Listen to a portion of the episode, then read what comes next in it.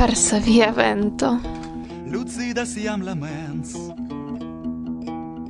Kai nun vidas mi ti un pecion trafotan de ni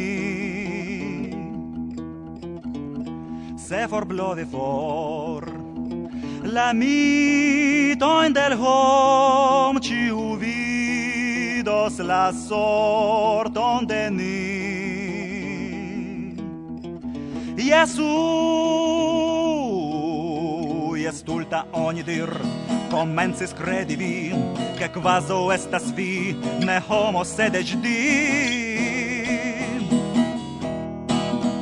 Cai ciu via ag Ia resto sene fic Via personez iam gravas pli ol la predic.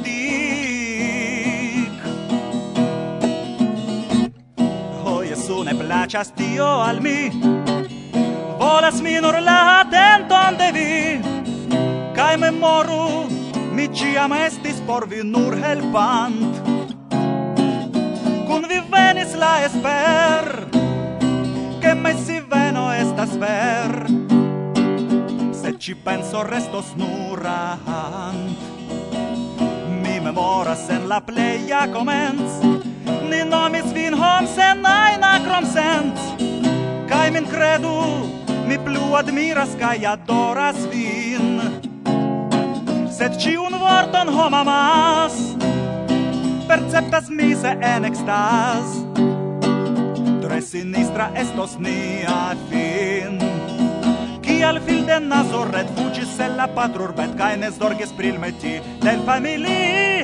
Tabloj seĝoj sego brutute taŭgus por Jesu vivus li sen najna ĝen kaj sen ĉagren pensu, ciu pensas vi pri il futur, ciu vi pensas pri nia secur, oni premas nin, ciu vi forgesis pri il mizera stat,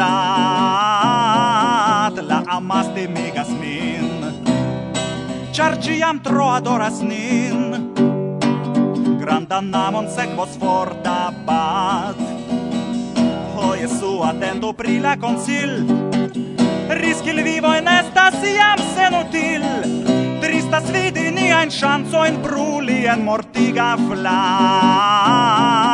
La adeptojn vida mis la capo in regas paradis. Ĉio boni sed fushigis jam sed fushigis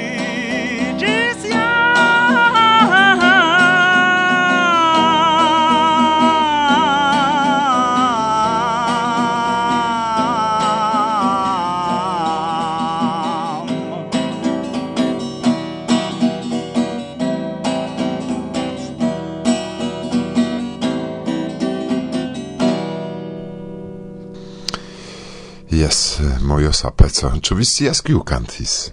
Mm, mi scias, kompreneble. Sed ĝusta demando estas, ĉu niaj aŭskultantoj tion scias? Mm, bona demando, fakte. Bonega, eĉ mi memoras, kiam iam mi prelegis pri kulturo kaj muziko dum la internaciaj tagonokto en Krimeo, mi demandis la partoprenantojn kaj kolektiĝis pli ol okdek homoj, kiujn muzikistojn de la scenejo esperantista vikonas. Kaj? Nu, quelcae el la partoprenanto evidentigis curagiai, cae reagis al mia demando imagu. Cae tiam certe vi audis liston de musicistoi el tiu regiono. Jest to vi pravas. Mm, sekvis respondoj Żumart kaj Natasza, Mikaelo Bronstein, Mikaelo Poworin, Pasza Możajew, la esperantista mevo, Vladimir Soroka, kaj multaj aliaj pri kiuj mi la unuan fojon fakte audis. Kai kelkaj sciis ankau pecojn de jomo kai kimo. Kai lopogo? Ne. Ne diru, ke neniu tie konis la perditan generacion. Ne, char la rencontigio okazis en 2000ok, kvar jaroj fakte post debuto de la bando dum la Joko en Kovrov. Ili ne estis iam vaste konataj kiel nun. Do nek pri Johnnymo ili sciis, nek pri Pavlik. Johnny Emot iam komencis studi liceon kaj Pafklik komencis lerni fumi kanabon kun masi. Aha! Interese do, ĉu multe shangigis, Ĉu la esperantistoj scias ion pri sia propra muzika kulturo? Se ili apartenas al aŭskultantoj de Varsovia Vento, tiam eh, yes Kaj se ne? Tiam mi ne scias verdire kion respondi. Do de ie tamen oni devas ekscii ion, se oni ne partoprenas la esperantistajn eventoj, ne ĉeestas la koncertojn, ne aŭskultas nin, tiam restas YouTubo. Se oni retumas. Se oni ne retumas, do teorie oni ne ekzistas. Ĉu? No, en tiu tempo mi pensas ke jes. Imagu iun esperantiston, kiu ne kretumas, nek partoprenas la internaciajn eventojn. Nu, estas tiu, ili aperas ekzemple dum la lokaj renkontiĝoj. Yes, sed tiu plej ofte ne konas Esperanton kaj ne multe scias pri la movado. Estas io en tio.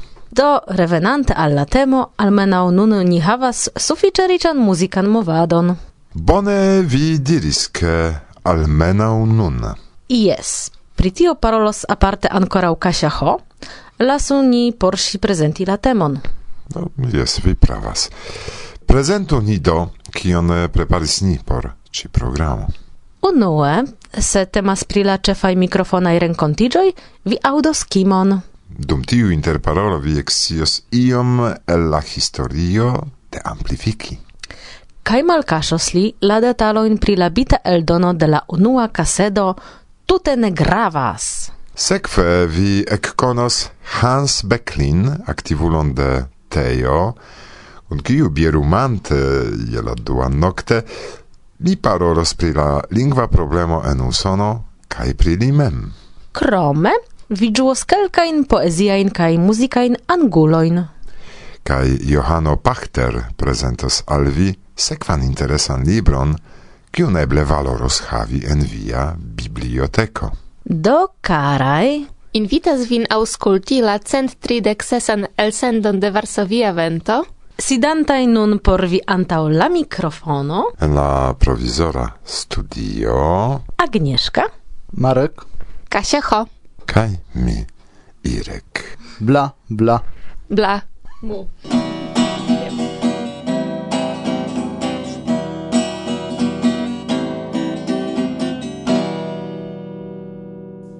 Saluton! Parolas nun, Jomar. Kaj Natasha? Vi nuntempe aŭskultas radioprogramon Varsovia Vento. Bla bla bla.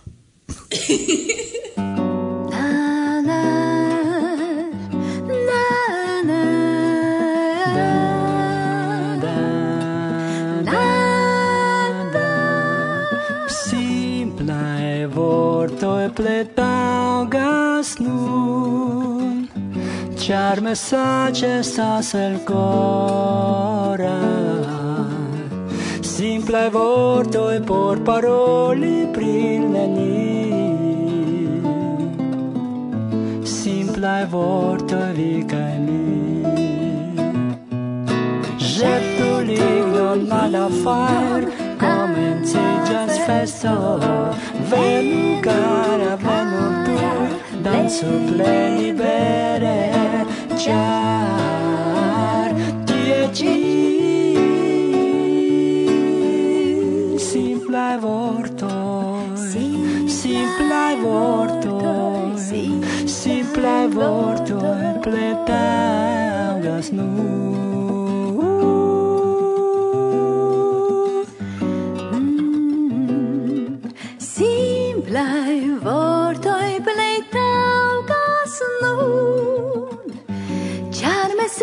gestas el cora.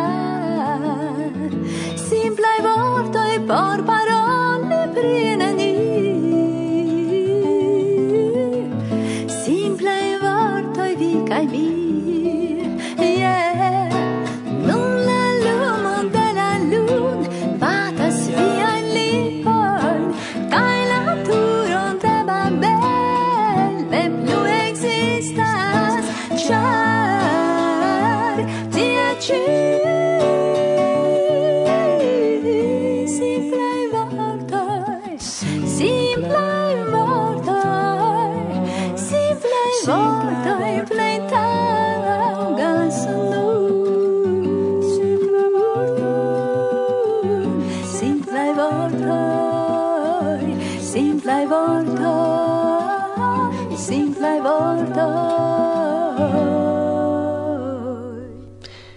Jes, kia gioio estas havi tiom da bonega muziko en Esperantujo.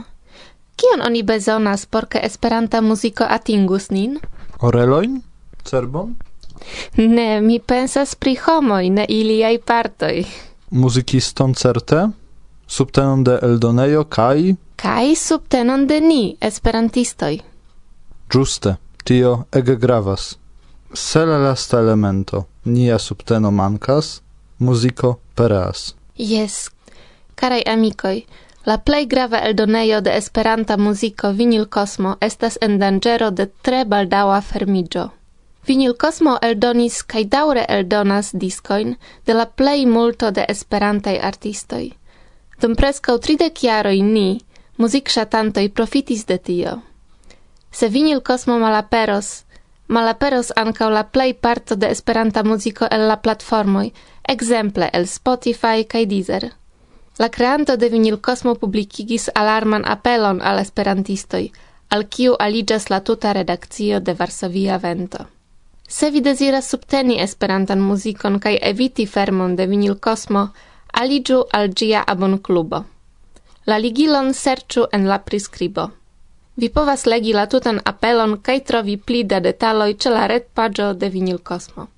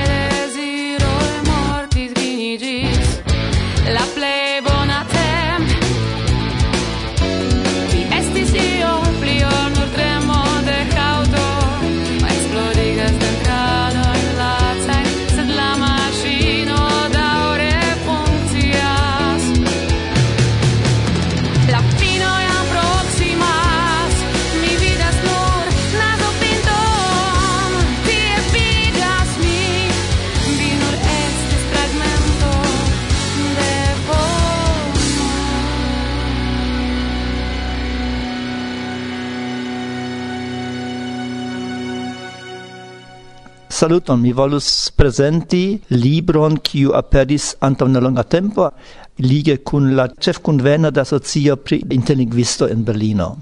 Kaj en tiu asocio estas membro Bernhard Pabst, kiu estas kunaŭtoro de la historia vortaro de Esperanto.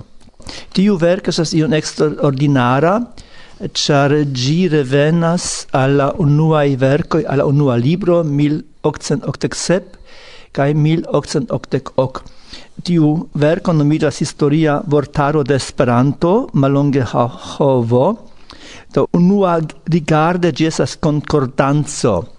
Tiu kiu ne scias concordanzo estas konkordanco, mi mencias, estas faka vorto. Konkordanco estas alfabeta listo de vortoj kiuj en fontoj troviĝas Kaj tiu fontoj en la historia vortaro estas la unua kaj dua libro de Zamenhof. Estis uh, du personoj kiu komencis unue estis la Portugalo Gonzalo Neves Uh, li estas fakte ne fakulo unusence, ĉar li estas agronomo, iam sekciestro en internacia nutraĵentreprenoj, kaj nun estas kiel tradukisto laboranta kaj leksikografo. Li havis la ideon jam 2003 pri esplori kiuj vortoj la unuan fojon aperis kaj eh, li ĉefe esploris tion en la unua libro. Sed per iu kialoj li devis interrompi tion laboron de nove komencis 2009 ca intertempe contactis cun alia grava interlinguisto volapukisto ec Haupenthal. Anca pro tio la verco nun aperinta estas dedicita al Reinhard Haupenthal, kiu en la jaro 2006 mortis pedaurinde, kiu estes la iniciatinto de la historia vortaro de Esperanto. Estis gesinjoroj Haupenthal fakte, kiu havis propran eldoneion, nun la edzino tion eldoneion mastras, che ili eldonis la unuan foion pri la historia vortaro. Bedaurinde pro la morto, eh, Gonzales restis sola, sed tian bon chance al iris Bernard Pabst, germana juristo, logianta en Berlino, sperta esperantisto, kai Li iam de longe occupidis pri tiel nomata Berlina commentario pri la fundamento de Esperanto.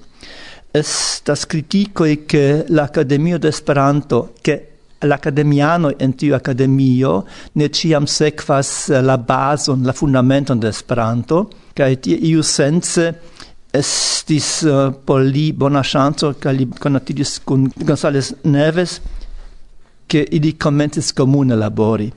La menciita konferenco de interlingvistoj, ĝi estas fakte en Germanio, germanlingva, sed kun eh, uh, membroj interlinguistoi en tuta mondo, kai tie li presentis la verkon, kanka por tiu okazo ili eldonis rapide la verkon, kiu mi nun tenas en la mano, tre impona, havas en tute pli ol quincent pagioi, do nun ni havas verkon haveblan aceteblan en kiu ni povas precize exi kie iu radico au iu alia uh, aperis, kiu la unuan foion tion faris.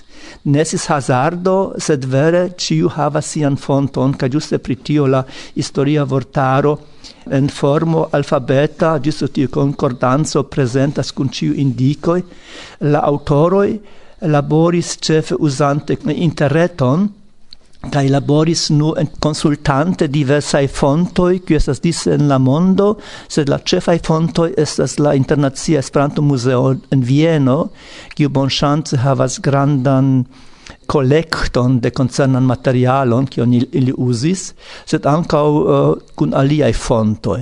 Do, tiu libro estas, kie mi mencis ne por generala uso sed speciale por ŝatantoj de historio, kai speciale eh, la devenon de vorto en Esperanto.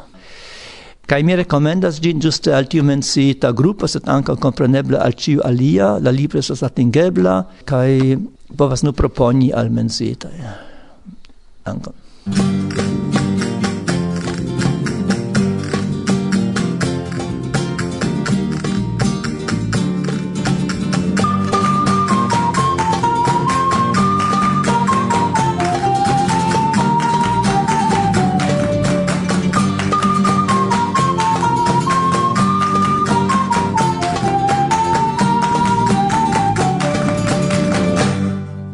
Varsovia vento.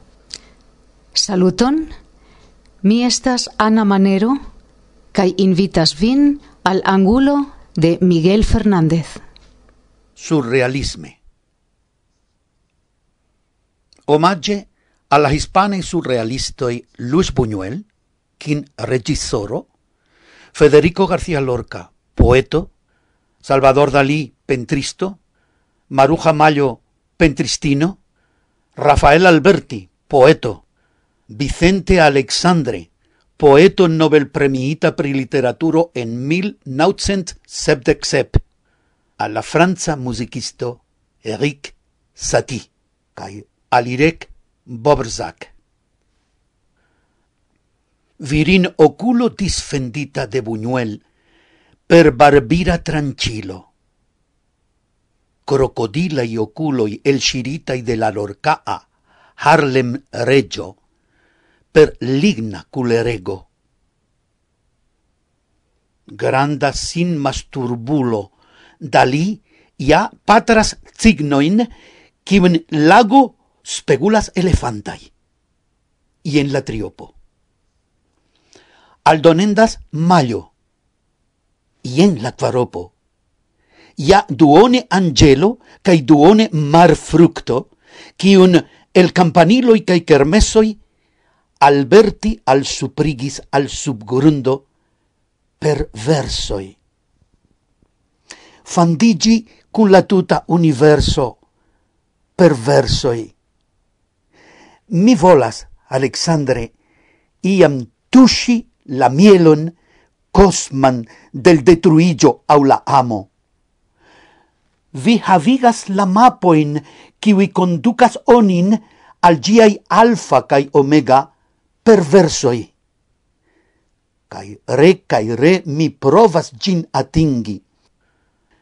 Dum la clavoi de la satipiano vestas la mutan nudon de la tempo per sonoroi. Mi elitigas, la musica i tonoi locas min sur tapiscio pleie tauga. Cai mi ec flugas.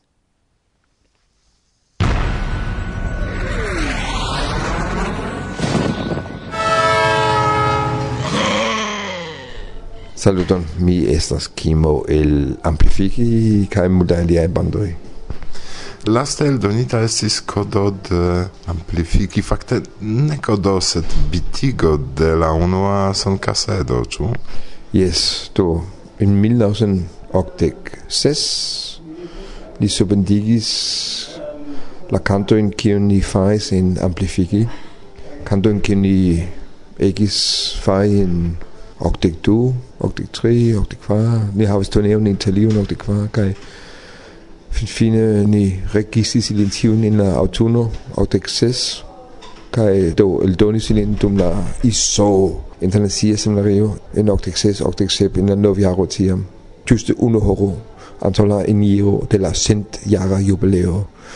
Kaj se mi bone memoras ni eĉ havis iu kiu vestigis sin kiel samenhof kai kiel tute honore oficiale invitis alla accettata della cassetto.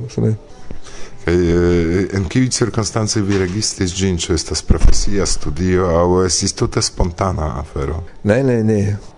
Mi organizis tion en Kopenhago, do vendigis la homojn el Svedio kaj el Francio kaj al iom ekster de Kopenhago ni havis iun profesian studio estis in iu domo kaj ni la alia fakte loĝis in tiu domo dum la tago kiam ni rekistis tien.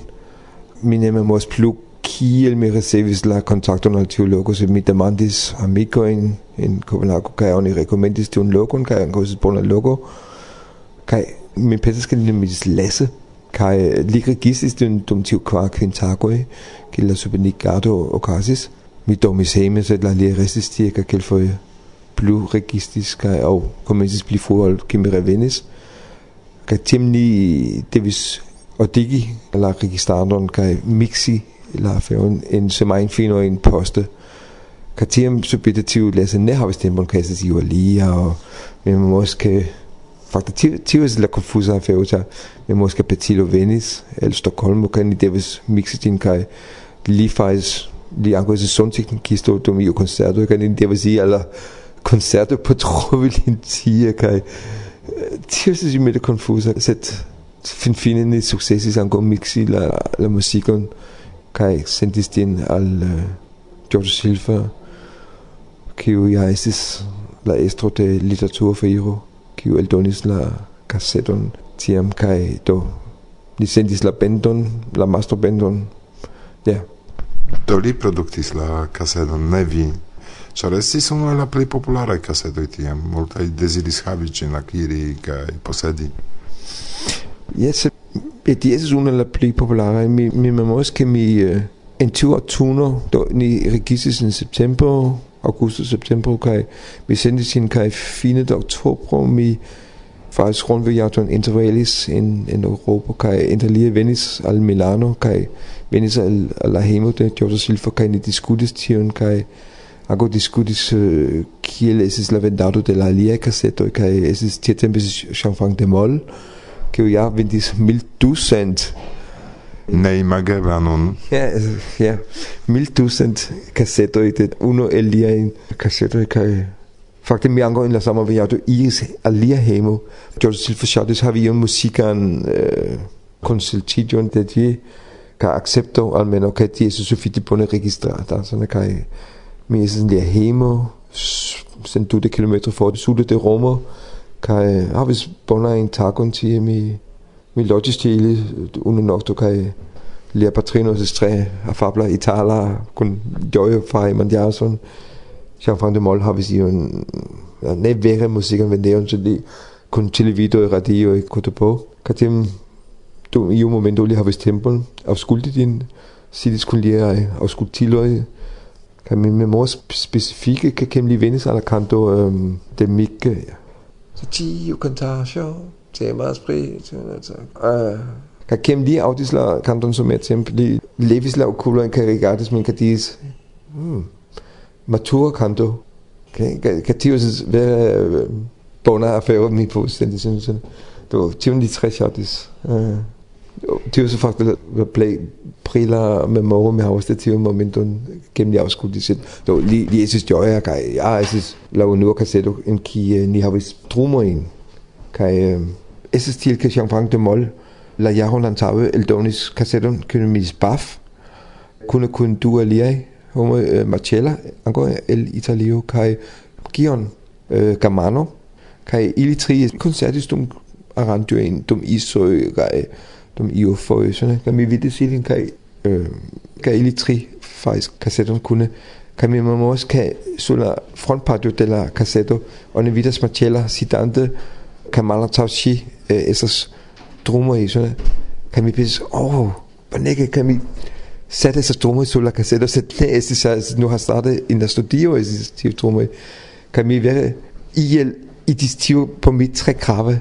Kan de have vores drumme i så ni har cassetto sådan kaj eske ni ne havis tromisto en nia bando eh, mi ludis ja en bando eh, ke ni havis tromisto kan mi demandis en plus tromisto tu li volus kunludi kai li jesis kai do li Thomas Bertelsen li neniam vivante tomis kun ni ni registis la kanto kun li sed do li fakte neniam estis eh, parto de la bando samtempe sind li mi ne pensas ke esis vere rockbando ja trume esis parto de rockbando ne. Reclamo.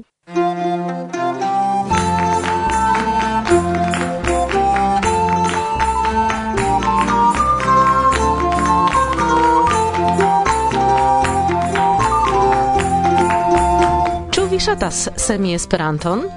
Informi homojn pri la lingvo internacia? Se jes, tiam naskiĝas bona okazo aliĝi al agado de aliaj, kiuj de kelkaj jaroj organizas specialan semajnon de la Esperanto-semado. Kie? En la urbo de Jomo. Jes! Inter la deka kaj dudeka de marto en Toulouse, kie oni parolas ankaŭ la occitanan, invitas vin al la komuna agado de la loka esperantistaro, inter kiu ĉe la okazo vi renkontos konatajn personecojn de nia movado. Venu contribui la printempan semadon de Esperanto. Estu ni dum tiuj citagoi por aktive, plezure kaj distre pasi komunan tempon. Tuluzo invitas kaj pretas malkovri antauvi sian violan ĉarmecon. Ne prevenu agi. Ne lasu nin semisolaj.